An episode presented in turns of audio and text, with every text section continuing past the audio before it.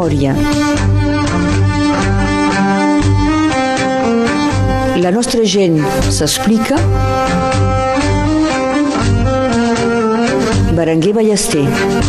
Soc a la Roca d'Albera per fer memòria amb una historiadora que s'ha interessat especialment eh, per l'Albera, una dona que als anys 80 va participar a l'endorranització de l'escola a Andorra, més tard va tenir un paper important en el Departament de Català de la Universitat de Perpinyà, especialista en temes transfronterers, dona de televisió catalana durant més de 20 anys a França 3. Martina Camiada, bon dia. Bon dia. I gràcies d'acollir-me a casa teva. A la Roca el sol hi toca. Aquí al matí no hi toca el sol. No, no. Tens un balcó amb una vista esplèndida. Sí, però tota la plana... Tota la plana la veus, La plana, els teus sí. peus. Sí, els el mar, peus.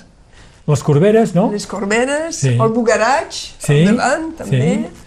El que em falta és el canigó, que tinc amagat, I aquí darrere no el veus, clar, el No. Canigó és No. amagat. Sí, sí, però tinc tota la resta. d'acord. T'ho comentava abans de començar l'enregistrament, tot venint cap aquí pensava en tots els incendis, tant al nord com al sud. Hi ha una preocupació pels incendis aquí, en Molt. aquesta urbanització? Moltíssim, moltíssim. Sí. Des de que he arribat, en 2016, tenim eh, en el Consell Sindical que hi ha de la copropietat del Domena, eh, estic treballant eh, amb l'UNF, amb la DTTM eh, de, i amb el pref subprefecte també eh, de Seret sobre tot això de la, per mantenir net tant a nivell individual com a nivell col·lectiu, els 100 metres, perquè estem en zona vermella, doncs els 100 metres que hem de, hem de netejar, que encara que sigui privat és nosaltres que ho hem de fer, però ens hem entès amb els propietaris, no hi ha problema i per tant doncs, des de fa sis anys estem Sí. sí. treballant en aquest sentit, amb tallafocs, amb netejar la, el bosc posar dalt, a nivell de tot. Hi ha, aquí hi ha dos tipus de cases, estem al total de eh, 149 cases, doncs hi ha una primera eh, fase i una segona fase. Llavors, eh, a dalt també han creat una ASL, una associació, i estem treballant junts. I treballem molt amb l'Ajuntament també, que coses que no s'havia fet. Perquè hi ha hagut incendis importants a l'Albera. Sí, home, clar, Sí. sí. hi ha hagut incendi important, sí. hi ha hagut uh, un uh, fa uh, no gaires anys al Pertú, Sí, sí, aquí sí. al Pertús i aquí al Boló, també, al Boló també, eh? Doncs cal vigilar, eh? Ja ho he dit, eh, Martina, que ets una dona que s'ha interessat especialment per l'Albera, Sí, doncs no és molt. casualitat que t'hagis instal·lat No, aquí a la Roca de l'Albera. Recordaré que eh, has participat a l'associació Albera Viva, Sí, que era transfronterera, eh? sí, Eh, És, és a dir, que, quan vaig arribar aquí, eh, al 94-95, el que em va eh, costar molt eh, és de no tenir contacte eh, amb els catalans, és a dir, de, de parlar constantment Els en catalans del català. sud, vols dir? Sí, eh, sí, em costava molt, perquè a Andorra eh, no solament, te- tens sempre en contacte amb els uns i amb els altres. Sí. Eh, i mai estava, sempre estàvem a fora, fent reunions, etc. I la primera cosa que vaig fer eh, és eh, mirar a veure com podia jo tenir contacte amb el sud i llavors vaig anar a Figueres, vaig eh, començar a treballar als arxius eh, del Consell Comarcal de Figueres, vaig conèixer tota una sèrie de gent i vaig conèixer també el Pitruc, el Sebastià del Clos, que Sí. ens va posar, eh, que es diu Pitruc, que és un personatge també, sí, sí, sí, com l'Esteve Albert. sí, sí. en parlarem Igual. també. I amb ell eh, vam crear l'Albera Viva, la primera guia també de- d'itineraris transfronterers, Sí. no n'existia gens, però jo havia, ting havia tingut experiència a Andorra, doncs eh, amb aquesta experiència vam poder fer aquesta primera guia i etc. Sobre l'Albera has has escrit eh, diversos llibres, o has participat en diversos llibres. El 2004, Albera, Vinyes i Vinyaters, de l'Albera. El 2006, l'Albera, un territori entre paisatge i límit al llarg del temps. El 2008, el vessant mediterrani del Pirineu, 2.000 anys d'història i més, amb en Joan Tocavents i el Joan Pere Lacomba. I el 2011, l'Albera, Memòries encreuades. Sí, Els dos primers del qual has parlat fan part, de fet, perquè amb Albert Viva vam fer un projecte de cooperació transfronterera, Albert eh, Memòria i Terra, que va durar de 2003 a 2006, i eh, aquests llibres, dos primers llibres que has parlat, de fet, és el resultat d'aquest projecte. Eh, L'Albert 2000 anys d'història, de fet, eh, si ens ho pensem, és el projecte UNESCO transfronterer que volíem fer i que no ha sortit sí. i que en Henri Sicre doncs, ens va dir pues, mira, eh, eh, participo en l'elaboració financerament d'aquest llibre perquè és bastant gruixut i el tercer, sobre les memòries encreuades, de fet, és la recopilació de la, aquest, memòries de tota aquesta gent que vam entrevistar eh, durant eh, el projecte d'Albert Memòria i Terra, que vam, l'Albert Viva va voler doncs, que, que em faci un llibre. D'acord. Estem en plena Albera, ja ho he dit, no? Sí. Estem en territori de la Roca d'Albera. Sé que ets caminadora. Sí, molt. Deus conèixer tots els camins de l'Albera, no? Molt, conec l'Albera pam a pam. Sí perquè quan vam fer el llibre de 2.000 anys d'història amb el Joan Pere Lacombe i Tocabens, però sobretot amb el Joan Pere, vam, ens vam passejar tant al nord com al sud, pam a pam, vam conèixer absolutament tot, i continua caminant a l'Albert, evidentment, sí. i encara com, continua descobrint cosa perquè estem eh, ara fent un llibre sobre la roca, sí. del segle XIV fins al segle XX, amb el Jean-Pierre Lacombe, acabem la redacció, hi haurà dues parts, la primera part és sobre la història del poble, del vilatge, de fet, de la Roca, amb tot el que hem pogut trobar, les famílies, els barris, eh, l'evolució, absolutament tot. I l'altra part és sobre els masos d'aquí, de la sí. Roca. I bueno, estem acabant de redactar ara i sortirà, penso, al gener o febrer. Estem... Històricament hi havia més habitants, més masos a la vessant sí. sud que al nord, no? A la vessant, bueno, al nord, aquí, a la, a la Roca, a la Roca, Argelès, per exemple. A Colllura no gaire, per vendre's tampoc, però nosaltres aquí, a Sant, Sant, Joan, sí. Sant Joan i Sant Martí de l'Albera, sí. per exemple, el vilatge és petit. Sí. Eh? Uh, per, per contra, ja hi havia masos per tot arreu. Eh? Aquí a Montesquieu, a sí. dalt també, tens masos importants. Uh, no, no, hi havia molts. La muntanya era molt habitada. I després de la, la pesta de 1348 han començat a baixar aquí, sí. perquè 50% de la població es va morir de la pesta i va canviar totalment la fisionomia de la societat. Una mica com nosaltres la Covid, que hi ha un canvi sí. que s'està posant en plaça ara, que ho veurem d'aquí uns anys, però penso que hi ha també una cosa que està canviant, doncs en aquell moment també i llavors tots els, la gent de masos que van a, a ser abandonats sí. van baixar i dins el, vila, el vilatge es va llavors començar a constituir amb la cellera i etc.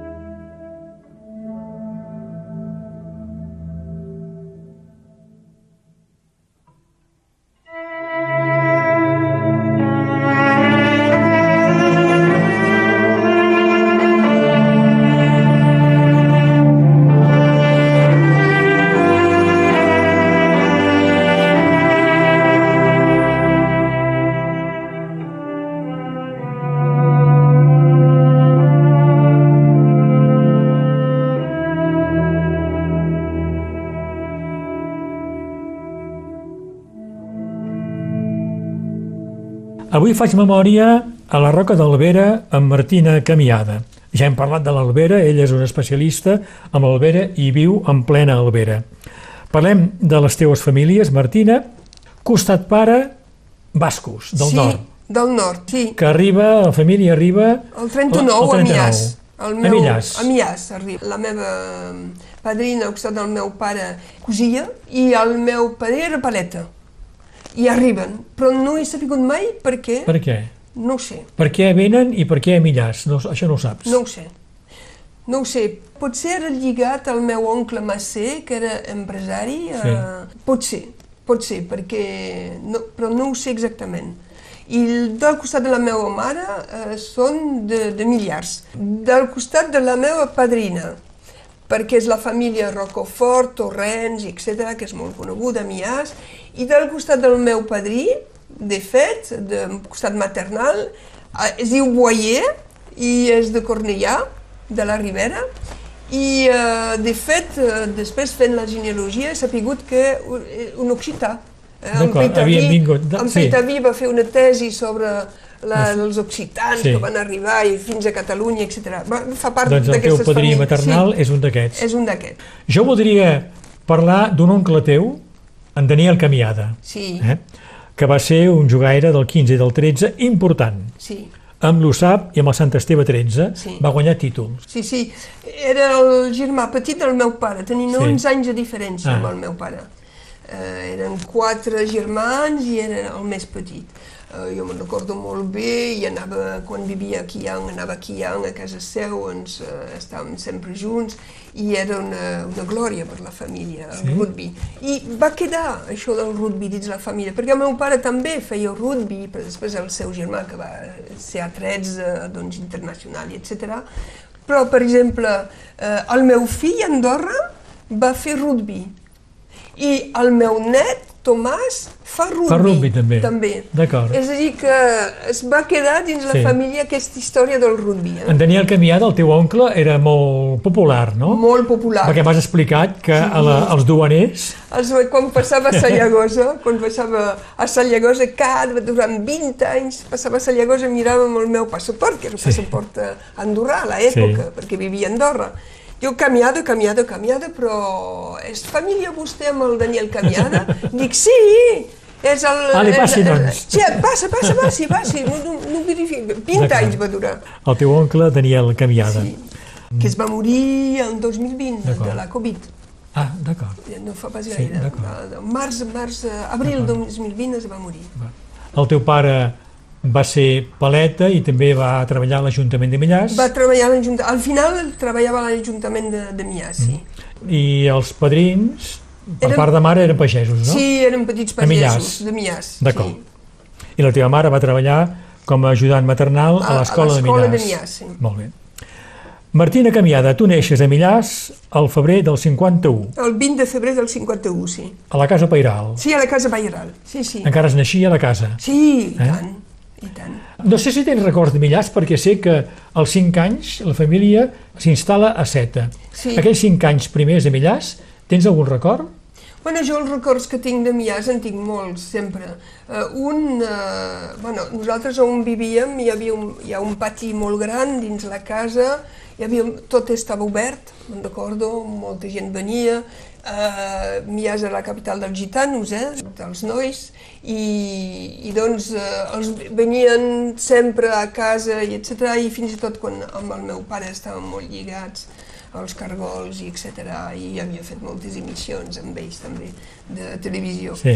I, i, i, i me'n recordo d'això, me'n recordo també de quan era petita, de quan preníem la fresca l'estiu, al davant de la casa, El cadascú al rai, cadascú Sí. amb el seu. I nosaltres, els nens, teníem, clar, no hi havia gaire coll, eh, botures i coses d'aquestes, i llavors ens jugàvem tots a prop allà, i a partir d'una certa hora havíem de tornar al rai davant del rai, D'acord. per anar al llit. Però teniu una certa llibertat, Sí, suposo, teníem no? una certa llibertat que ara és difícil d'entendre, Sí. que no és possible. Sí. Trobo que en aquest nivell hem regressat moltíssim, sí, sí. a nivell de llibertats. I el català era present en aquell moment a la El família? català, jo, els meus padrins, Sí. mai els he sentit parlar francès. Mai. Parlaven el rossillonès. Sempre. La meva mare l'havien obligat a parlar francès, a col·le, però els seus pares li parlaven en català, ella no. La meva mare va començar a parlar català amb el meu fill. Amb el teu fill? Sí. D'acord, amb el seu net. Sí, perquè nosaltres quan vam tenir el Jordi vaig dir jo al Jordi el posarem a l'escola francesa després, però primer eh, vull que parli català. Doncs la primera llengua no vaig parlar francès amb ell, amb el Jordi, mai. Eh, Vaig parlar el català durant tres anys. I clar, la meva mare la, la vaig obligar, li vaig dir no Sí. vull que li parlis eh, francès, vull que li parlis català. No sé parlar català. I dic, sí que saps parlar català, perquè, perquè Sí. el tens a dins. Sí, sí. I, i s'hi va posar Sí, sí. per fer-se entendre del nen. I a tu, el pare i la mare et parlen català o francès? A A tu, mi em parlaven francès. per això. I quan t'hi poses tu a parlar català? Jo m'hi poso eh, quan coneixo a Prada, de Conflent, que vaig conèixer els andorrans, que feien els estudis, Sí. que vam començar a lligar d'amistats amb els uns i amb els altres, i llavors aquí vaig començar a parlar català. Ja el tenies un poc al cap, el, el El català. tenia al cap, sí. Va ser molt fàcil, eh? Sí, sí. Va ser, ho tenia jo, el- els padrins em parlaven sempre català. Ho veurem després. Perquè nosaltres vivíem junts dins la mateixa, és a dir, la casa hi havia, és com un mas, de fet, i era separat en dos. Doncs estaven junts amb els padrins, no estàvem separats. Uh, coneixes els andorrans a Prada Sí. i et casaràs amb un andorrà. Sí, em caso amb un andorrà. Sí, I això et portarà exacte. cap a Andorra, Em però ja, cap a Andorra ja ho explicarem. al 71. La família se'ls passa 7 anys a Seta. Sí, Quan tu tens 5 anys se'n sí, van a Seta. Sí, i aquí a Seta eh, tinc molt bons records perquè vivíem al Mont Saint-Clair, on el meu eh, oncle Massé tenia l'empresa i havia construït, eh, bé, com aquí, eh, una zona residencial i teníem una casa. Hi havia molta gent jove, etc. No hi havia tanta gent, érem molt lliure. Al Mont Saint-Clair ens passejàvem, podíem anar per tot arreu en l'època. I aquí vaig començar, perquè tenia molta energia i em calia canalitzar l'energia, i llavors el meu pare va tenir la idea de dir, mira, et farem fer eh, una mica de gimnàsia, i llavors em van acompanyar amb una, a Seta mateix, en un lloc on fèiem gimnàsia. Aquí vaig començar a fer gimnàsia perquè entre l'energia i la... Bueno, doncs va funcionar la mar de bé, vaig fer competició i tot, i quan vam marxar me va saber diu greu perquè no sabia si a Mias ho podia fer i de fet no vaig continuar a Mias, però vaig continuar... Després, eh, perquè Després. acabaries, i ho comentarem, Sí. acabaràs sent professora d'educació física, física, perquè sí. ho deixes perquè Sí. et destinen a un lloc que no et Va, convé. sí, Eh? destinen a Bordeus i estava a Andorra. Quan tu tens 12 anys, la família torna a Millars. Sí. Vas, a, vas al col·legi, al a col·legi Illa, d'Illa, que vaig conèixer en Gual, el Sí. Ramon Gual aquí, perquè era el meu, el meu eh, professor, eh, doncs... va ser en important en moment- la teva catalanització, el sí, Gual? home, i tant, el Gual feia passar les coses d'una manera extraordinària, no? Sí. Era un home, puf, tenia una, un aurà, una Sí? cosa fora de sèrie, sí, per, per tothom. Molt simpàtic, molt obert, molt, eh, molt gestual també, Sí. eh? Eh, me'n recordo d'això quan era, doncs tenia 12 anys, eh? Això al col·legi d'Illa, perquè Sí. les, els alumnes de Millars van al col·legi Exacte, a Illa, a Illa. Ens Eh? portaven i després a Prada de Conflent, sí. al Liceu de Prada. Sí, que el on Gual... continues tenint el Gual. Sí, el Clar. vaig continuar a tenir en Gual. Ja ho hem dit, doncs, que segueixes la teva activitat esportiva, eh, fas Mm. Sí. atletisme, no? Sí, Corres, natació... faig natació, gimnàsia continua Sí. I preparo el que se'n deien a l'època el CREPS, que és Sí. el, durant tres anys estàvem tancats en un uh, organisme eh, on- i on ens preparàvem uh, a nivell de, per, a- per ser professor d'educació física. I passes al concurs, Passo al concurs, és molt dur, eh? me'n recordo, Sí. era difícil. Eh? Uh, passo al concurs, el tinc i, clar, com que no era dins les primeres, doncs em posen a Bordeus. Però jo, en aquell moment, a Montpellier, uh, estava amb el Miquel Bons, uh, Un andorrà. un andorrà, estàvem junts, ell feia els estudis d'enginyer, i, clar, me posen a Bordeus i nosaltres ens volíem casar i llavors vam, vaig dimitir i vaig dir, bueno, em quedo a Andorra. Bé, i vas quedar a Andorra, I et poses a treballar de dependenta, no? A De Andorra? dependenta dins una joieria perquè calia treballar, Sí. perquè després, un any després eh, de ser casats, vaig tenir el Jordi, el nen, i també eh, eh, estàvem, bueno, la, la casa, cal dir que la família del Miquel tenia una casa, els pisos en gratuït i tot això, Sí. però calia per això treballar, eh? Sí. Era impensable de no treballar en l'època. Evidentment. Eh? Doncs el Miquel es posa a treballar al Pirineus, ell, Ah, també de al dependent. magatzem Pirineus, D'acord. I jo al davant del magatzem Pirinès amb Sí. una joieria eh, que hi vaig treballar durant dos anys. I aquí eh, em van baixar els fums, com diuen, eh? Perquè un entre que treballàvem unes 10 hores per dia eh, a l'època, tota la setmana, eh? i l'estiu no hi havia ni un sol dia de festa, no existia això. Doncs era l'any 71, això és 72-73, fins a 74, i llavors aquí vaig veure un, el comportament dels turistes que venien, i sobretot els francesos, que em va molestar, perquè era insultant, era un comportament eh, molt, molt, molt difícil. I l'altra cosa que, clar, eh, eres percebut com una persona que no res, que no representaves res dins la societat, una petita dependenta de Norbert, havia fet els estudis i tot. Per això no ho sabien. Bé, Em va cost... Clar. No ho sabien, però Sí, em va sí. costar moltíssim. Sí. I me'n recordo que també, clar, com que era la, la, la petita dins la joieria, em feien escombrar la, la, la, la, la cera, doncs. Sí, sí, sí. I, i, i, I això també em va fer, fer... És a dir, que a partir d'aquell moment, aquesta experiència és una experiència molt positiva perquè em va fer entendre que calia ser molt humil. A partir d'aquí hi ha dues coses que m'han fet, que em fan, fan que hem de ser humil. És això, aquesta experiència que ho dic, que val la pena de fer. I l'altra l'altra, l'altra que continua és quan faig muntanya que estic en un cim que no representem res i que so, amb la natura també tot pot passar Sí. eh, i que bueno, no estàs, eh, no saps. Sí. Eh, jo diverses vegades m'he trobat just a punt de, de, de problemes importants a la muntanya sense que Sí. faci res, però que és la natura que ella mana, no som nosaltres que manem, és ella. I quan ets al cim de tot, eh, l'altre dia estava a Ordesà, al Mont, Mont Perdut, doncs eh, quan estàs a dalt de tot i dius, "Puf, que representem, som petits, Sí, sí. i aquí te baixa tot.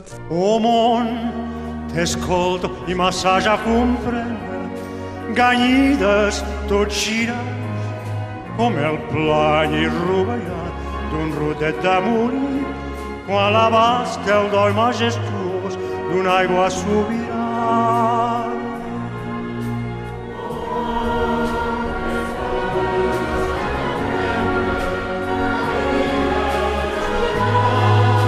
com el plany rovellat d'un rotet de morir, quan l'abast el doi majestuós d'una aigua sobirana. El respirar dels pobles és tan gran que glateix contra mi, ajagut dins la plana, i encara que em tapes les orelles, el sento, el meu ritme s'ajunta amb el seu triomfant.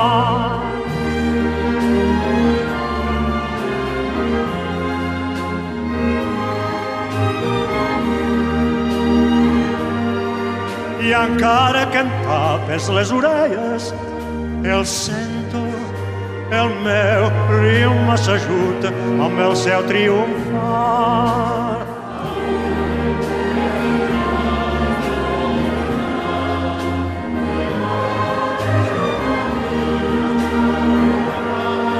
I encara que em tapes les orelles, el sento, el meu ritme s'ajunta amb el seu triomfant.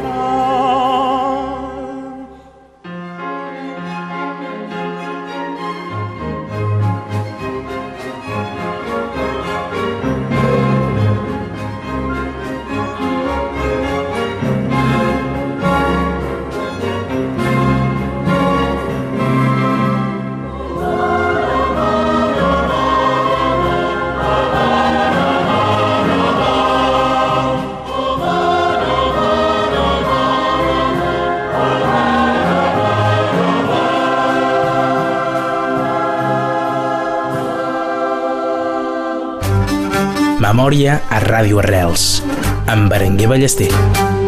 Avui faig memòria amb Martina Camià, de a casa seva, a la Roca d'Albera.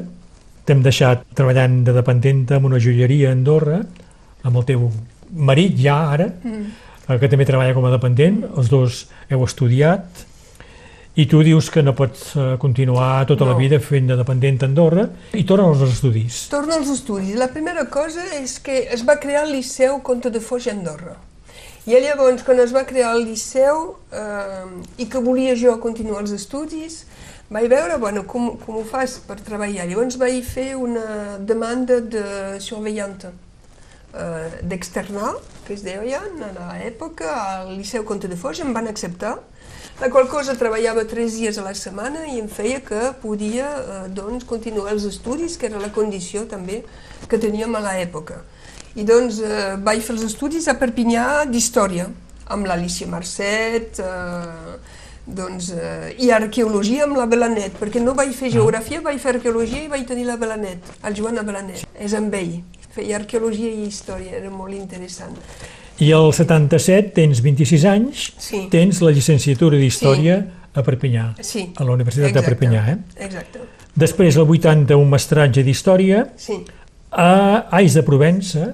Sí, a Ais de Provença perquè l'Alicia Marcet no era catedràtica i no podia, doncs, eh, en l'època eh, era impossible que ho fes amb ella.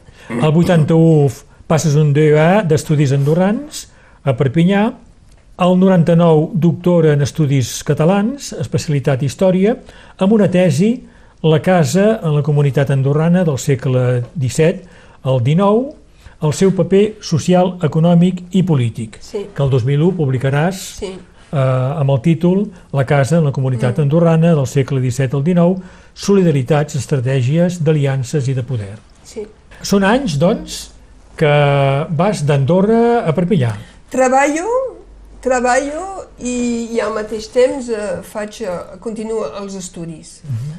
eh, són anys dens, però bé, eh, es podia fer. La sort que vaig tenir és que tenia la família d'en Miquel, eren gent bons, Sí. Es, deia, es diuen bons de família, però eren sí, gent bons. realment bons, eh, molt eh, assequible, que vivíem a la mateixa casa, pisos diferents, però a la mateixa casa fa que podien guardar el nen, se'n cuidaven i ens deien feu, feu, feu, ens deien sempre.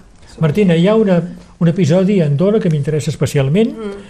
perquè tu vius amb el teu marit a Andorra, ets professora del Consell General sí i el Consell General d'Andorra et proposa començar un projecte de creació d'una escola andorrana, sí. d'endoranitzar un... l'escola d'Andorra. Bueno, primer hi ha hagut el 70... Quan vaig entrar al Consell General ja havíem ficat en plaça el 74 l'endorranització, sí. que eren cursos a totes les escoles, bueno, les que volien, perquè no totes havien acceptat, cursos d'històries d'institucions andorrana, i de religió, però la religió no era nosaltres que ho donaven, eren els rectors, perquè no hi ha separació de l'Església de l'Estat i hi ha un copríncep episcopal. Eh? Doncs, eh, I això s'havia ficat en plaça al 74 a Andorra. I llavors jo entro, al, entro després i em demanen d'anar a fer cursos doncs, eh, al Liceu Comte de Foix d'institucions andorranes en aquell moment. I el 81, quan hi ha el primer govern d'Andorra, que s'instal·la el primer govern amb l'Òscar Ribareig, me demanen l'Òscar i amb la Roser Bastida i hi havia la Lídia Armengol també, eh, però sobretot amb la Roser ens, ens diu eh, vull tirar endavant la creació d'una escola andorrana, doncs eh, carta blanca, us espavileu, no vull, no vull que sigui una escola que integra tots aquests nens que tenim a Andorra, que la majoria són de pares estrangers però que són andorrans perquè han nascut a Andorra. Ah, llavors has parlat de primer, de segona generacions sí. i de socarrel. Eh? De, de, doncs els nascut a Andorra li deien els nens de socarrel. I eh, doncs vull que tothom doncs, eh, sigui eh, format eh, dins aquesta escola. Al principi del tot, tant la Mitra, el copríncep episcopal, com a França i com a Espanya no ens van deixar que es digués Escola Andorrana. Perquè en aquell moment hi havia Andorra l'escola francesa Escola. i l'espanyola Espanyola i religiosa. i religiosa. Sí. I el I català ella- no era present a l'escola? No, sí, era present, feien cursos nosaltres, Vosaltres, català. però vull dir, a l'escola sí. francesa o l'episcopal? No, no, no, no. Bueno, sí, també, érem nosaltres Ah. l'organització, D'acord. que és a dir, el Consell General. Però una hora eh, per setmana, eh? una hora per setmana. Quan eh, Catalunya va crear tres hores per setmana de, de català a les escoles, vam nosaltres intentar també, diguem, sí, però veieu, a Catalunya ho estan fent tantes hores i nosaltres per què no? Bueno, no, no, es va, no hi vam arribar, eh? I llavors aquí eh, és quan, de fet, es va dir durant tres anys, es va anomenar maternal andorrana. No vam voler que, però per nosaltres era l'escola andorrana. L'objectiu de l'Òscar Ribarreig políticament era creeu una escola, us deixo crear l'escola, i una escola que vull que duri. Us espavileu, noies, ens va dir. Aquí ho teniu a les mans. Vull que duri. Calia introduir el català, calia eh, crear material pedagògic nou, Tot. calia fer coses noves, no? tot. Llavors, bueno, la sort pel material, vam, vam triar tres mètodes didàctics, Montessori, Freinet i de Crowley, per l'aprenentatge de l'escriptura i de la lectura, Montessori, i llavors, on vam trobar el material? Que hi havia a l'època fabulós, que existeix encara, em sembla, a la cooperativa Abacus, Ah. a Barcelona, Barcelona. a on ens vam trobar tot el material que Sí. vam voler i vam comprar absolutament tot. L'altra cosa, eh, vam fer tres seccions, secció la llengua oficial català Andorra, doncs primer el català, després, clar, teníem nens, hi havia bastants francesos, doncs era català-francès, després hi havia català-castellà i català-anglès, perquè a l'època hi havia molts. Llavors teníem tres seccions i teníem tres mestres i després tres ajudantes segons la, la llengua. És a dir que, i encara això continua existint, ho hem mantingut, és a dir, hi ha la mestra eh, doncs, catalana, que parla només el català sempre, hi ha una mestra que parla només en francès, una mestra que parla només en castellà i una mestra que parla només en anglès. I és a dir, els nens es dirigeixen A cada mestre a la cada llengua mestre en la llengua. Sí. Això és una cosa que vam...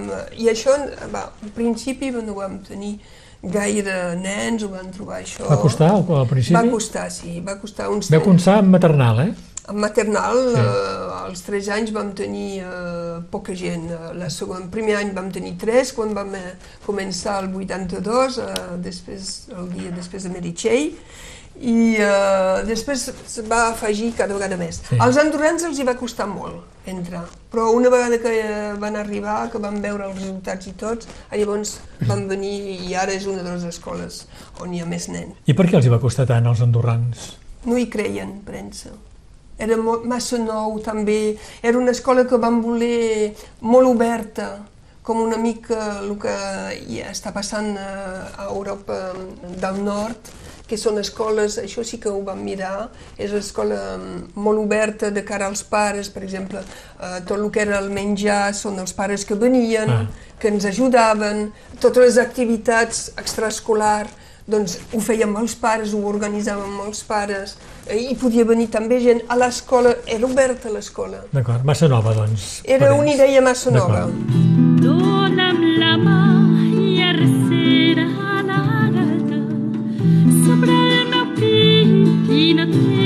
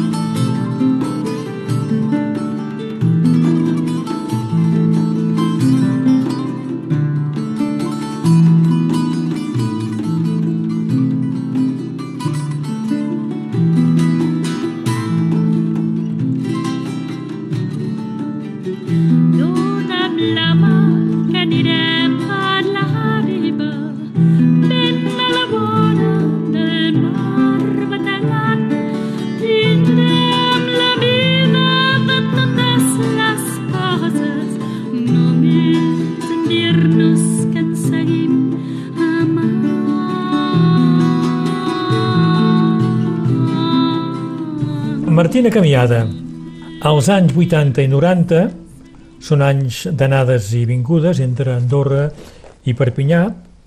Ets encarregada de cursos sobre Andorra des del 83 al Departament d'Estudis Catalans de la Universitat de Perpinyà. Sí, I ets una de les primeres ensenyants del DEC de català a Perpinyà que s'havia creat el 82. sí, hi havia, a l'època hi havia en Costa, eh, en Becat, evidentment, perquè és Sí. en Becat que em va demanar de venir, la Miquela Valls i en Ramon Sala, punt.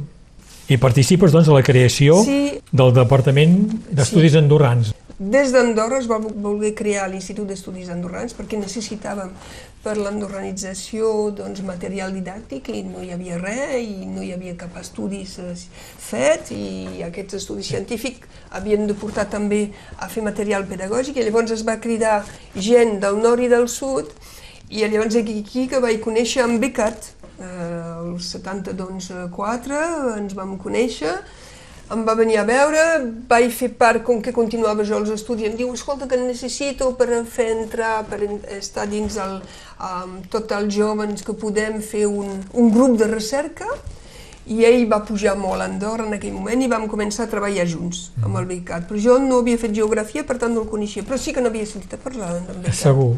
Era professor de geografia a Sí, l'època. sí, sí, sí. No estava amb nosaltres. Després que va començar a crear tot això i que vam finalment... Eh, Finalment has des- treballat molt al costat del becat. Ah, bé, és la persona que, tra... que conec des de Sí. tants, any- tant, tant, tants anys, Sí, sí. eh, fa, no sé, des del 74, Sí, que sí. no ens hem separat, què Sí, sí. diria? I mentrestant, de tot això, a Andorra, l'any 81-82, crees l'editorial Maià, Sí, una editorial que publica assaig, poesia, poesia, novel·la... Dalleres, el Josep Dalleres, sí. Sí. Molta poesia, molts llibres, eh, també eh, poca edició amb el Miquel Martí Pol, per exemple, Sí. Eh, que vaig conèixer, doncs, que va ser una experiència molt forta amb el Miquel Martí Pol en l'època, amb, el, amb artistes també, perquè m'agradava molt eh, aquest tipus de- de- d'editorial, de, eh, de, de llibres. Als anys 80 el Martí Pol ja és un poeta reconegut. Sí, Sí, sí. molt, però, però el que vaig fer, amb el, que, que, que, que em va costar, eh? em va costar més de sis mesos, el vaig convèncer per la última vegada d'escriure a mà, perquè tenia l'esclerosi en placa i tenia dificultat a escriure. I volia tant sí com no en el seu llibre, que són haikus, que va fer i la, amb el, és d'aquí el llibre, el tenim aquí, Sí. Eh, I uh, va, li vaig demanar que... I em diu, no, és que he escrit malament, em costa molt. I dic, vull que sigui escrit a mà. És un llibre de 25 exemplars només, eh? I finalment hi vaig va fer, arribar. Ho va fer. És l'última vegada que vaig escriure a mà. D'acord. A Andorra participes a, la política andorrana. Molt, participo sí, molt a la política andorrana, és una bona experiència per saber com funciona la política, efectivament, però també eh, eh, hi ha hagut moltes decepcions en aquest nivell, em va costar, bueno, vaig pagar molt d'haver fet política i haig de dir que jo pensava que quan estaves integrat com estava integrada, que havia treballat molt per eh, el Consell General, que havia treballat molt en el material didàctic, que havia fet molt per Andorra, que havia treballat, que estava en la política, em pensava integrada, com una andorrana. I no? Al final hi ha un límit. Al final hi ha un límit. D'acord. Aquí No eres una autèntica andorrana, doncs. Ah, jo me considerava... ells. Per, és a dir, quan parlava amb la gent, sabia tantes coses sobre Andorra Sí. que em deien eh, però de quina casa ets tu? I dic, no, no, jo no sóc de cap casa, sóc casada amb un andorrà. Ah, i com és que saps tanta cosa? Dic, bueno, perquè ho he buscat, etc. Però després, eh, en el moment d'actuar, políticament parlant, eh? Sí. no a nivell intel·lectual ni a nivell del Consell General ni del govern, políticament parlant hi ha un límit. I això t'ho fan pagar. Sí. No pots anar més enllà. Eh, això ho vaig descobrir, eh? Perquè va ser també secretària general del Comú de, de Canillo. Sí, sí, sí. Sí, aquí vam crear, vam crear moltes coses a nivell del Comú de Canillo, a més a més de ser secretari, me cuidava de la cultura també, doncs des de quan vam fer els concursos de gossos d'atura, per Sí. exemple, amb Oceja, D'acord. També en vam crear Sí. en aquell moment, però vaig crear també eh, escultures, eh, escultures, van fer ve- venir artistes del món sencer eh, per presentar escultures monumentals, Sí. tant a Meritxell, als santuaris de Meritxell, amb la cort, evidentment, del copríncep, eh, episcopal, perquè ens ho calia, com el cementiri nou que hi havia, que encara no hi havia cap, ja n'hi havia hagut cap defunció, però era extra, és extraordinari, és davant del santuari de Meritxell, sobre la carretera, aquest eh, cementiri, i vai, vam fer aquí exposicions d'art- d'artistes del món que van acceptar. Martina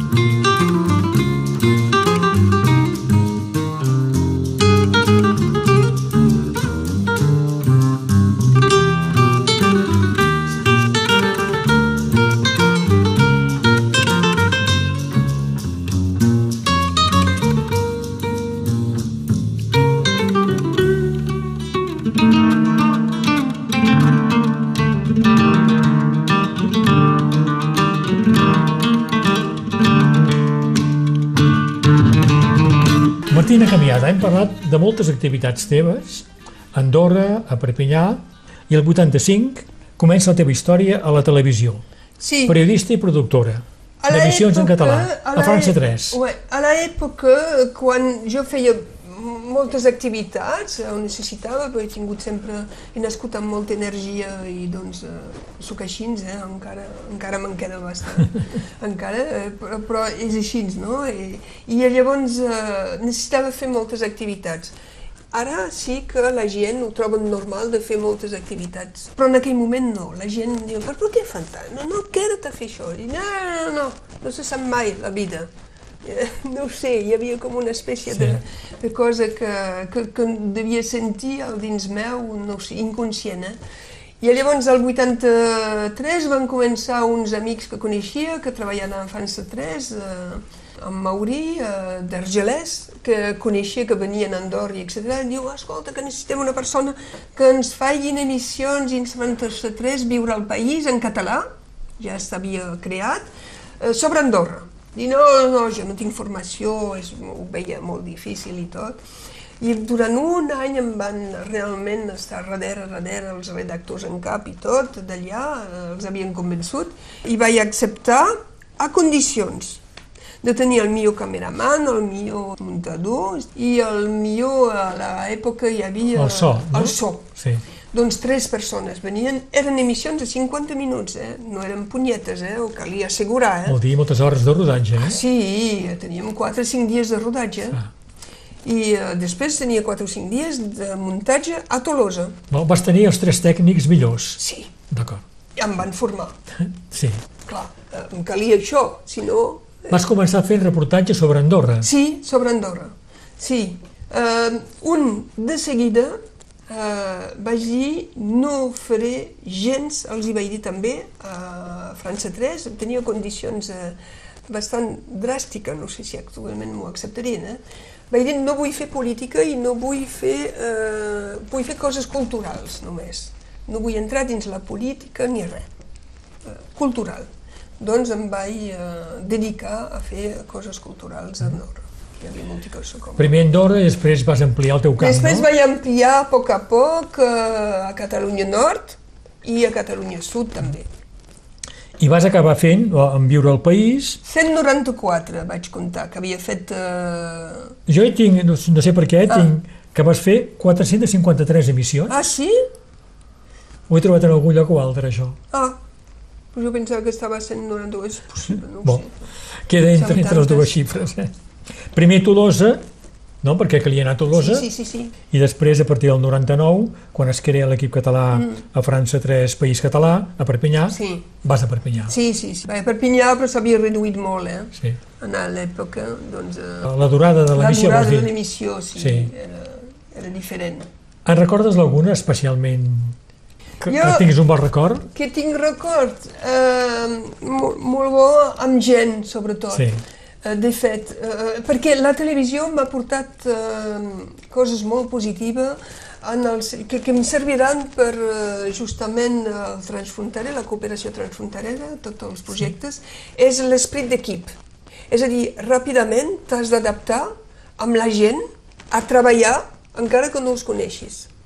Perquè primer, durant anys, vaig tenir aquestes tres persones molt bones, però després, clar, Clar. amb allí no et podem donar sempre perquè tothom els vol, doncs eh, te donarem. Sí. Eh, doncs vaig... Eh, això sí que això sí que això no t'ho ensenyen a la universitat, a treballar així ràpid amb gent que no coneixes, adaptar-te ràpidament i, i treballar junts. I doncs això em va servir molt. L'altra cosa és conèixer gent autodidacta i intel·ligent, d'una intel·ligència. Oh! I Gent sobre qui has fet un reportatge, vols dir? Sí, D'acord. sí. Per exemple, Sí, sí, a Vallespí vaig conèixer una persona que no havia fet estudi, però d'una intel·ligència Sí. eh, que remarcable. A Banyuls també, Home, és que el país és ple de gent interessant, eh? molt. Sí, sí. Però, clar, tu quan ets format Sí, a la sí. universitat estàs Sí, sí. eh, super formatejat. I ells no. Per exemple, en Pere Verdaguer, que era autodidacta, Sí. també tenia una manera de pensar molt diferent d'una persona que està formada a la universitat. D'acord. I això sí que, que, que, que t'aporta una cosa, si Sí. vols, i que et permet després de treballar dins els projectes transfronterers, justament transversalment, amb gent que no són formats com Sí, tu. sí, sí. Martina Camiada, tornant a la Universitat de Perpinyà, ja he dit que va ser de les primeres ensenyants del DEC de Català del 83. El 2000 ets professora associada, el 2003 professora, doncs mestra de conferències, i el 2009 catedràtica, és a dir, professora d'universitats. Doncs vas anar progressant. Sí, vas continuar poc a poc. estudiant, de sí. fet. Sí, perquè te demanen, eh, quan ets mestre de conferència, te demanen de fer un HDR, que es diu. Sí. Eh, jo no el volia fer, em volia parar, ja havia arribat al meu objectiu, que era mestre de conferència, i el becat em va dir, no, no, no, no, no, ho has de fer, ho has de fer, perquè, clar, no tens les mateixes responsabilitats, no, pots, no ets responsable de màster, eh, si vols, eh, d'una manera oficial, Sí. sí. que pots dirigir, però no és tu, que és, era un becat, que, Sí. que i, i em diu, ho has de fer, ho has de fer, dic, no em sento. Diu, sí, ho has de fer. Uh, al final ho he fet, D'acord. perquè el becat el cal escoltar. I t'has especialitzat en temes transfronterers, Sí. Frontera catalana i també fronteres europees, Sí. perquè la Unió Europea fins i tot eh, t'ha consultat sobre eh, aquest tema, t'ha enviat a, a missions, no? Sí, Arreu missions de formacions Amèrica. a nivell, a nivell d'Europa de l'Est i a nivell també d'Haití, a la República Dominicana i també a Martinica. Mhm. També eh, he fet eh, algunes... eh, sí, En què sí. podien consistir aquestes missions? és formar la gent al, trans, al transfronterer, a la cooperació transfronterera. Els hi explicar, és a dir, formar gent que estan dins els organismes, d'un costat de l'altre, posar-los junt eh, i, i fer-los treballar. I hi havia llocs que era difícil. Haití i San Domingo, per exemple, a la Ah. República Dominicana, no era senzill. Els uns parlaven el castellà, els altres el francès. I em deien que no s'entenien quan els vam posar junts. Sí. Primera cosa, em va costar molt, quan vaig demanar-ho, de tenir una taula, hi havia 35 persones, una taula, tot una sola taula, no separats, tot una sola taula. Llavors, quan van arribar, els uns s'han ficat d'un costat, els altres de l'altre. Sí, Estan al davant. sí, sí. I llavors, quan parla, jo feia les traduccions, I llavors, quan parlaven, em deien que els, els d'Haití em deien que no entenien el castellà, els de, de Sant Domingo em deien que no entenien gens tampoc el, el francès, i al final, perquè tenia uns, uns electes també, que hi eren dins aquestes formacions, al final n'hi ha un, que era, perquè és molt clànic allà, eh? doncs n'hi ha un que era el gran, el cap de tots els electes dels, dels comuns, diríem, de, dels ajuntaments, que ha intervingut. I llavors eh, era d'Haití, però era al límit, a la, vivia a la frontera, un vilatge a la frontera amb, amb eh, la República Dominicana, per tant, doncs, obligatòriament en Entén-la parlava clar. castellà i el francès. Llavors, clar, va intervenir, no se'n va donar compte, va intervenir en castellà. Bon, no vaig dir res, vaig, vaig pensar, ja estem, aquí el tinc, els tinc. Llavors el vaig anar a veure després i vaig dir, heu parlat en castellà, quan de fet sou d'Haití, parleu en francès, doncs sabeu què? A partir d'ara, doncs us demano de demanar als altres perquè us enteneu. I s'entenien, evidentment, clar. Tenien evidentment. Clar. I aquí es va obrir. I vas arribar, doncs. I, I vaig arribar i els van fer venir aquí, Sí. sí. una delegació, a visitar l'Hospital Transfronterer, D'acord. van venir, eh, van eh, visitar l'escorxador transfronterer, els va interessar, Puigcerdà, i després vam anar al País Basc. I també vas dirigir el màster eh, de Relacions Transfrontereres, eh? Sí, aquí Que vam, s'havia creat. vam crear, això vam becat que van Sí. crear eh, el 99 i després quan el becat eh, vaig fer amb ell vam continuar tots dos i finalment hem, hem, eh, hem anat formant uns 250 joves que ara els uns i els altres me'ls trobo i eh, és una xarxa que continuem a treballar Sí? junts. Sí?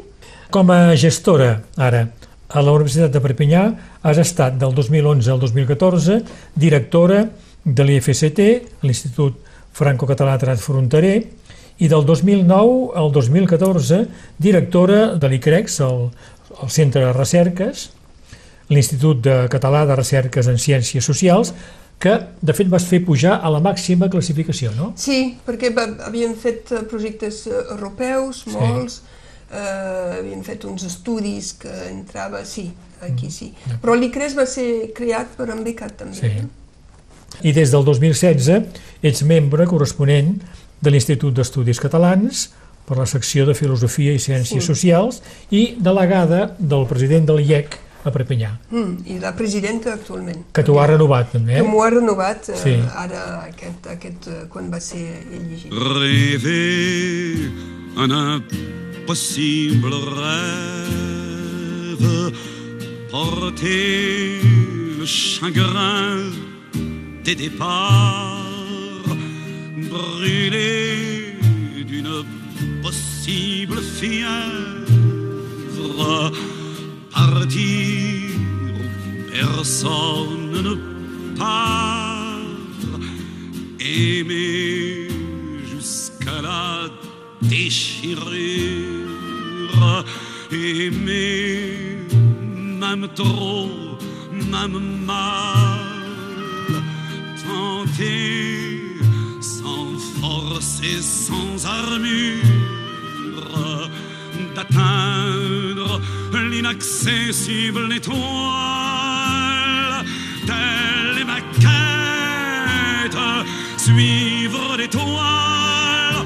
Peu m'importe mes chances, peu m'importe le temps ma désespérance.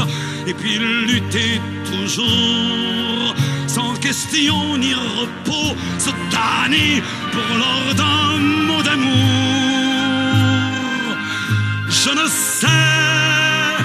Je serai ce héros, mais mon cœur serait tranquille. Et les villes s'éclabousseraient de bleu parce qu'un malheureux brûle encore, bien qu'ayant tout brûlé, brûle encore, même trop, même mal. pour atteindre à s'en écarteler. Pour atteindre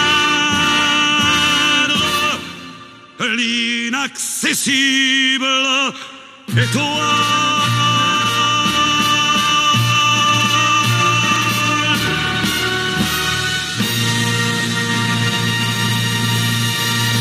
Avui faig memòria amb Martina Camiada, estem a casa seva, a la Roca d'Albera.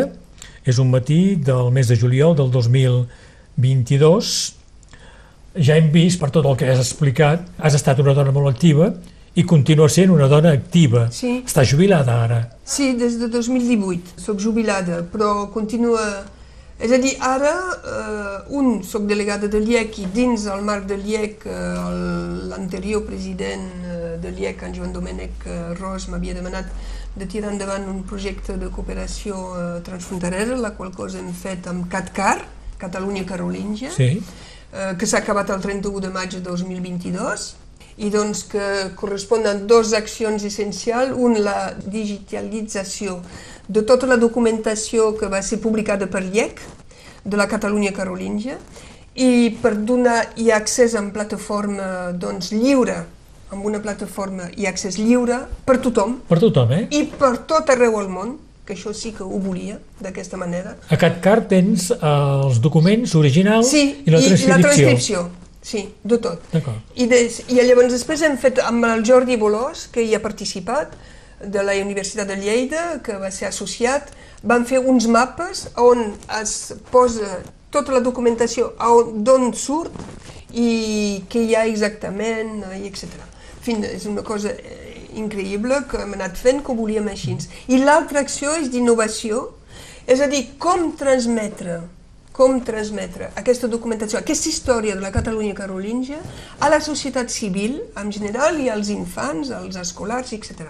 I aquí hem fet intervenir l'Institut Mediterrani de, la, de Robòtica i de la Informàtica que tenim aquí a Perpinyà, eh, que fa part, que és, eh, que és dins la Cambra de, de Comerç de, de, que tenim aquí, i ells han posat en plaça doncs, tota una sèrie de noves tecnologies per transmetre aquesta, aquesta història. Perquè t'interessa especialment la divulgació, a tu, eh? Sí, molt. Jo trobo que encara eh, no, la, els historiadors i globalment tota la universitat francesa no és prou transversal, no treballa prou, no treballa d'una manera transversal. Els hi costa molt i és llàstima perquè aquests projectes de cooperació t'obliga a treballar transversalment amb gent amb el qual normalment no treballaries.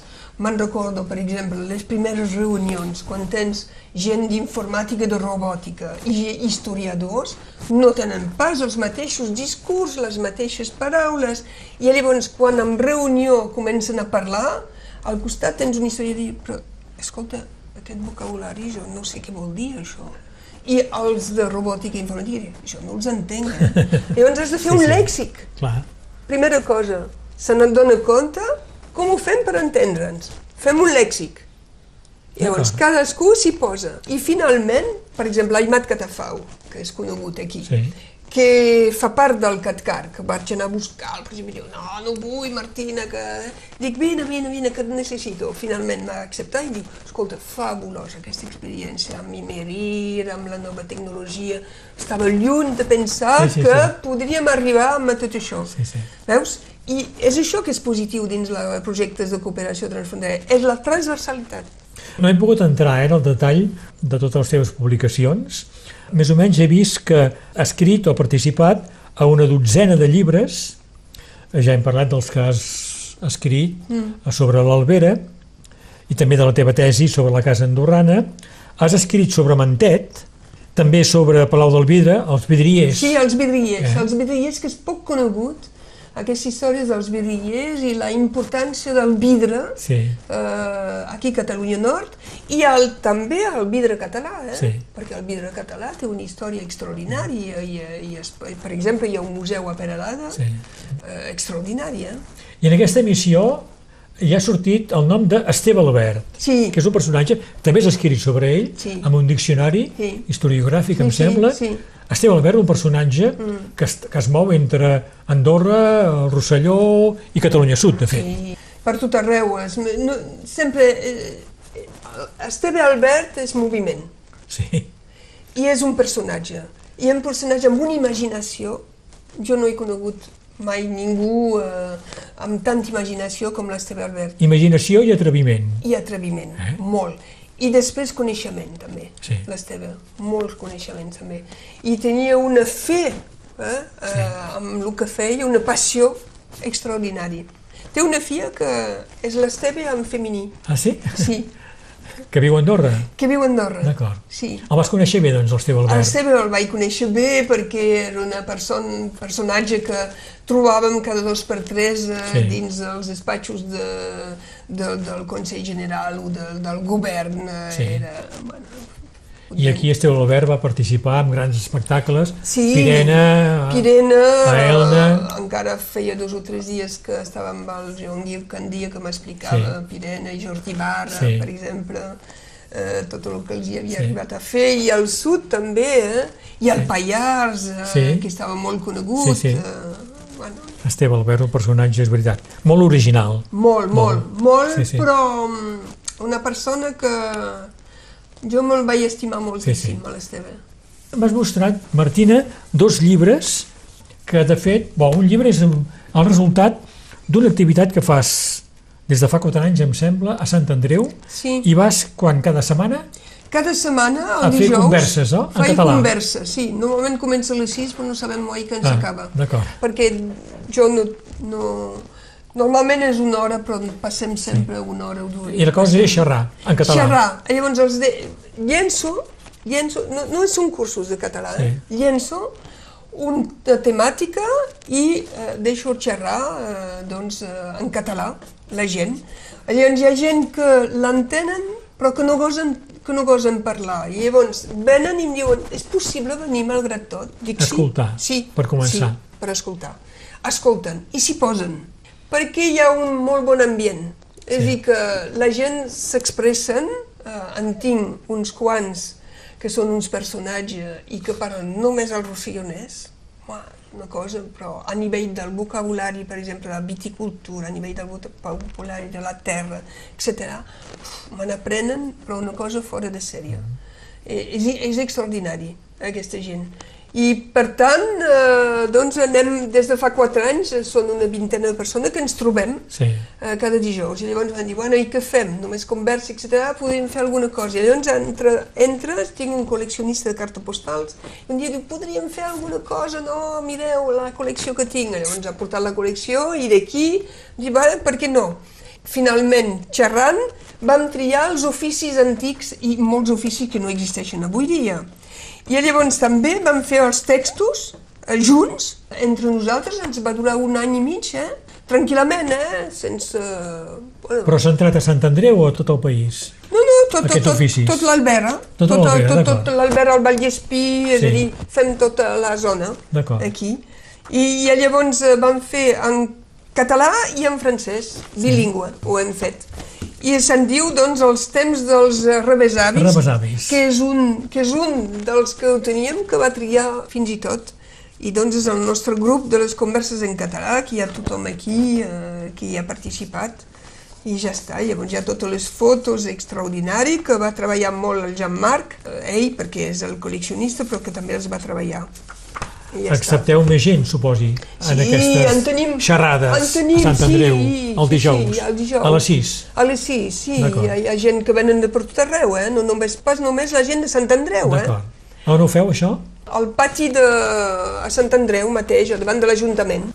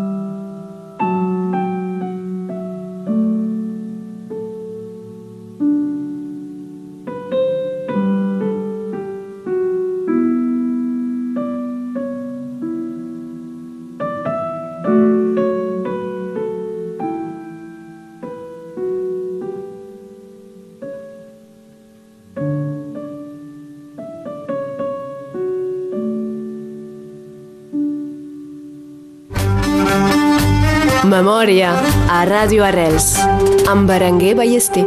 Martina Camiada, hem, hem parlat de moltes iniciatives, moltes activitats a les que has participat. Ha quedat clar que has estat i ets una dona amb molta energia i veig que encara la tens. Sí, tota la passió, també. I la passió. Amb tot això, ser dona, com ha anat? T'ha ajudat, t'ha dificultat, has hagut de fer esforços, has hagut de vèncer resistències? Eh, pa, amb tot el que he fet i, i sent dona cal lluitar permanent. És a dir, hi ha res de fàcil. Per un home, eh, el que costa, el que els hi costa una mica, per les dones cal eh, ser dos o tres vegades, dos o tres... Fins, això el Becat sempre m'ho deia, deia, has de fer tres vegades el que fa, el que fa un home, Perquè ets dona. perquè sóc dona, sí. Perquè s'accepti el que fas. Sí, sí. Perquè també eh, tinc, no sé de què em ve, eh, professionalment parlant, funciono, eh, de fet, no funciono mai sobre el, el mode de seducció que diuen, que hi ha moltes dones que funcionen així, no ho sé fer. Suposo que em ve del fet que he fet molt esport, molt esport, Sí. I eh, sóc molt quadrada, molt cartesiana en aquest nivell i, i eh, quan sóc professional, sóc professional eh, i llavors eh, una mica la gent té dificultat a percebre'm eh, d'aquesta manera perquè no, he, no, funciono de, Sí. no funciona ben bé com una dona. Però em costa, m'ha costat moltíssim, he de reconèixer. Però com que tinc energia, tinc passió que em porta, eh, jo continuo fent i, i crec. Eh, I actualment, eh, és el que diu la meva neta, diu ah, la, la padrina de fet és en mode transmissió ara. I té raó, perquè continua ajudant a fer projectes de cooperació transfronterera amb l'experiència que tinc, evidentment, però també el que m'interessa és transmetre. És a dir, si hi ha gent que volen que els formo, els formo. Benevolament, eh? I ho faig. Per exemple, ara, amb un centre de formació i aquesta que hi ha aquí a Montescriu, eh, vam crear una formació de, se'n diu, d'ecopatrulleur equestre, a cavall, per vigilar, que és un mediador, no és un ecoguarda, que diuen, un ecoguarda, és una persona que és mediadora, que es passeja amb binome per, eh, per tot arreu, i que diu a la gent com s'han de comportar, què veuen, quin, per exemple, si estàs sobre la reserva de la Massana, eh, els hi explica que és una reserva on hi ha el, una varietat de coleòptera famosos Sí. i el, el més gran, els, la, les més grans varietats, i què són, què són, llavors se'ls hi explica d'una manera senzilla, etc. És a dir, que els formem amb tot el que és el medi ambient, i al mateix temps estan a cavalls. I això hem, hem obtingut una subvenció conseqüent de la regió. I la teva intervenció amb tot això? És d'organitzar, és a dir, és d'organitzar tota aquesta formació, Sí. de fer veure en aquest, la gent del centre de formació, de fer veure com en fèiem nosaltres amb el BICA dins del marc del màster, com s'organitza, com se gestiona tota una formació d'aquest tipus, que és formació professional. Però m'interessa molt. Molt bé, llavors jo- jo veig. jove. Molt bé. Sí. Martina Camiada, hi ha una cosa que és força recent i és la constitució d'una associació d'una gent molt preocupada per aquests passos fronterers tallats. Sí, tenim cinc, cinc colls, que Sí. un l'han costuja, doncs ja, ja han tret els blocs eh, que hi havia, eh, excepcionalment, ha dit el prefecte, però he vist avui al- a l'independent que marxa aquest prefecte, a veure, eh, i, i millor perquè, francament, els altres quatre colls Sí. encara tenen eh, doncs, els blocs i el coll de Banyuls. Per exemple, doncs, hi ha una colla de gent de Banyuls amb el Pere Beca al davant, a la- l'antic advocat, eh, que ha creat una associació que es diu Albera Sense Frontera i que, doncs, eh, llei 1901, justament per eh, lluitar i veure què podem fer, jurídicament parlant, contra el fet que som els únics que encara tenim les fronteres tancades. I tu ho expliques, això? Bé, no m'ho explico, perquè si diuen que és per terrorisme i clandestins, eh, els clandestins i els terroristes eh, no se n'en foten d'aquests colls, no D'aquests- és per aquí que passen. I d'aquests blocs també. I d'aquests blocs, Sí. perquè no hi ha problema. Sí. De fet, ara passen per requescents, els que, la, de, tots els camins de la droga i dels clandestins, passen per requesents, passen davant del xalet de la, de, del Col de l'Ullat, Sí. que és un restaurant, i baixen per la DFCI eh, de la Roca d'Albera, ara. Doncs tenen, sí. bueno, hi, ha, hi ha possibilitat de passar per tot arreu, nosaltres no és alta muntanya, doncs ho sabem. Continuen deixant, som els únics on continuem tenint les fronteres tancades. I cal, n'hi ha prou. Com és que ens demanen de fer uns projectes de cooperació transfronterera, que ens demanen de relacionar-nos transfrontererament i que tenim uns blocs que ens separen i que tanquen les fronteres. Per exemple, la gent d'Espolla de Gariguella venen a fer bremes a Banyuls. I doncs, com que estan a prop, passant pel coll, bueno, a la nit marxen a casa seu. Però si els blocs no poden, Sí, sí. doncs estan econòmicament parlant perjudicant Sí, sí. els vinyaters de Banyuls, entre altres. Després hi ha les relacions també. Com pot ser que actualment, havent tingut un president que era president de la Comissió Europea, eh, eh, tenim les fronteres tancades. És inacceptable. I què farà aquesta associació? Llavors, aquesta ex- eh, associació vol mobilitzar-se, eh, farem una gran mobilització i després farem també un, un recurs eh, per, per poder demanar que s'obri eh, que s'obri definitivament que per la Covid, eh, és a dir, per la Schengen, què diu Schengen? Ha d'obrir con terrorisme. En l'època del terrorisme no s'ha tancat. Sí, sí. I en cas d'incendi, t'imagines? cas d'incendi, hi ha un projecte, cooperem, de cooperació transfronterera. Eh? Doncs què diu aquest projecte? Diu que justament entre el nord i el sud ens hem d'ajudar en quant als incendis. Tenim els blocs, què fem? Sí. Què fem? Impossible. Una vergonya, una vergonya. Eh, Llavors aquí hem, hem, hem decidit d'actuar i de, de, de mobilitzar-nos els uns i els altres. Eh, A la primera reunió de creació de l'associació, amb el Pere es pensava que hi hauria poca gent, finalment va venir uns 300-400 persones. Una cosa fora de sèrie. Sí, una cosa molt sensible, aquesta. Eh? Molt Sí, sí, sí. sensible. No, però la gent no ho entenen que es manté. Ningú és ho que en entén. cap lloc eh, es manté. I amb el canvi de prefecte creus que canviarà la cosa? Bé, espero, espero, esperem. De totes Esperem. maneres, amb la mobilització que hi haurà, Sí. eh, s'haurà de canviar, d'alguna manera. in a little tent. Oh, and just like the river I've ever since. It's been a long, a long time coming, but I know a change gonna come. Oh, yes, it will. It's been too hard living, but I'm afraid to die.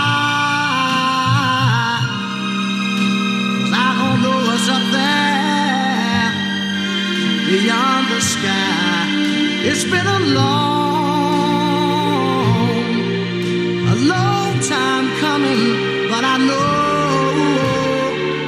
a change gonna come.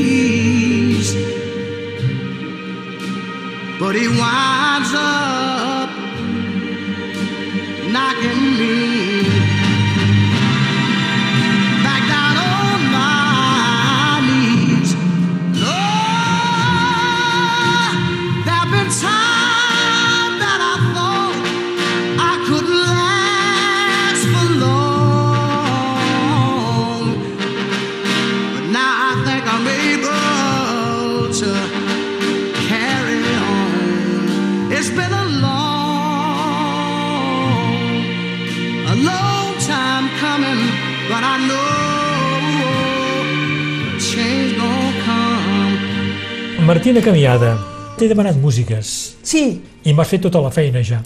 Perquè em dones la, les músiques, no només el títol, perquè sinó ha que les músiques. molt. Què posem? Llavors, primer Pau Casals, Pau el cant Casals. dels ocells. Sí. Això és una cosa que, uf, bueno, no cal dir. I això per què? Bueno, és una cosa que mm, emocionalment em toca molt, el Sí. cant dels ocells. El que significa, sobretot. El que o- significa i la música I la melodia i, mateix, i clar. la melodia i, i en Pau, no? I tota Sí, la història sí. d'en Pau. Tot això eh, em commou molt. Després hi ha un món de Jordi Barra, però un quan canta eh, el Sí. Jordi de Omon, que és la cantata de la única cantata de Jordi Barra, que és eh, fabulosa, extraordinari, que és, finalment trobo que és poc coneguda, se n'ha fet poc ressò perquè se'l veu com una persona, eh, un cantant de varietat, Sí. pot ser... Eh, però realment aquí es, es, es pot veure amb, el, amb aquest poema del Jordi Pere Cerdà Sí. sobre l'exili, etc., la dimensió eh, de Jordi Barra. Sí, sí, sí. Van fer un gran espectacle però Gran des de Mallorca, espectacle, sí, Sí. que hi vaig assistir, vaig assistir Sí, sí. també al naixement d'Omon D'acord. i, eh, i, i és una cosa que molt, molt, molt d'en d'en Jordi. Després la- l'Ariadna, l'Ariadna Savall, que és la filla d'en Jordi Sí. Savall, que canta, que és Sí, extraordinari, que té el, diria la veu de la seva mare, Sí, quasi, de de la la Montserrat, Montserrat Figueres. eh, Figueres, que s'ha mort, eh, i que canta doncs, eh, una, uns, unes cançons tradicionals molt antigues Sí. en català. Sí, sí. Eh? Doncs n'he triat una que m'agrada molt. Després t'he triat ah, la, la quête de Jacques Brel, perquè això és, Sí, és això i, eh, em toca, em commou tant com el cant dels ocells, aquesta. I després, ah, el Renaud García Fons, ah, d'acord. que mm, va fer un uh, violoncel sol a Marcebol Sí. i t'he agafat el tros de Marcebol, Molt bé, molt bé. que m'encanta, que és extraordinari aquest noi. M'agrada recordar Aquest que músic. el jingle d'entrada i sortida d'aquesta emissió és música d'ell. Ah, Sí, sí. veus? Ah, és extraordinari, eh, sí. Sí, Sí, sí, sí, sí, sí. sí, m'encanta. Sí, sí. Després, què més t'he triat? Uh, Glenn Gould, que variació Goldberg. Ah, llavors, cada vegada que haig de treballar eh, sobre una redacció molt important, per exemple la tesi o un article o una cosa d'aquesta molt important, treballo amb les variacions Goldberg de Glenn Gould. T'ajuda a la concentració? Sí, és Bach. Va, I Bach sí. és sí, sí. molt quadrat Sí, i m'ajuda moltíssim. Després m'encanta Glenn Gould. sí. És un personatge, personatge, eh? és un Sí. personatge, però també la seva interpretació de la música, Sí. tot i que la gent, hi ha molta gent que no estiguin d'acord, però jo sí. I l'altre és Sam Cooke, perquè Sam Cooke uh, i uh, Change is Goma Go- Com, perquè aquí explica, uh, saps que ha estat assassinat molt jove aquest, aquest uh, cantant, uh, és un que primer amb el, que va veure que va lluitar molt per la, en, en el moment dels Estats Units de, de tot el problema dels negres, amb, amb el racisme. Sí, sí. Eh? I eh, totes les seves eh, cançons van relacionat amb el fet que diu que, en aquesta en particular, que alguna cosa arribarà aviat, que hi haurà un canvi. Dóna esperança, doncs. Dóna esperança. D'acord. Sí, Obama va agafar aquesta música, sí, sí, sí. és extraordinària, el Sam. Cooke. Uh, és una cosa fora de sèrie. La música, eh, la, la, la, la, totes les cançons, les paraules que va fer ell, és extraordinari. I es va relacionat amb tot aquest uh, conflicte, però amb tota aquesta lluita, però lluita positiva, constructiva. Eh? Doncs quan escoltes aquesta gent, aquests americans negres, saps el que diuen. Sí, sé, sé el que diuen i em fa pensar també eh, amb la lluita que nosaltres Sí. tenim, eh? De, eh, Com a catalans, eh? vols dir? Com a catalans, eh? Sí. Eh, que hem de continuar a lluitar, eh? Sí, no? I, eh, sí, perquè ser eh, dins l'Institut eh, Franco-Català Transfronterer, ho cal dir, no és només eh, eh, ser professor, catedràtic o el que sigui, universitari, eh? Has de ser militant, Sí. si no, no te'n surts. Si no ets militant, no te'n surts. Martina Camiada, molt satisfet primer que m'hagis eh, acollit a casa teva, aquí, a la Roca de l'Albera, i que m'hagis explicat tantes coses interessants. És, de fet, mm, una part de la història andorrana i també o, la història acadèmica de la Universitat de Perpinyà, a la que tu has participat molt activament. Jubilada, però encara molt activa. Sí, sí, sí. Estic en plena forma, doncs Sí. continuo. Molt bé. En una casa plena de llibres, evidentment, com no pot ser d'una altra manera, amb pintures, amb escultures, I, sí, i amb un gran balcó, com he dit, amb un gran paisatge sí, sí. sobre la plana del Sí, Rosselló sí. i les Corberes. Martina, gràcies per tot. Bon dia. molt. Gràcies. Memòria. La nostra gent s'explica. Berenguer Ballester.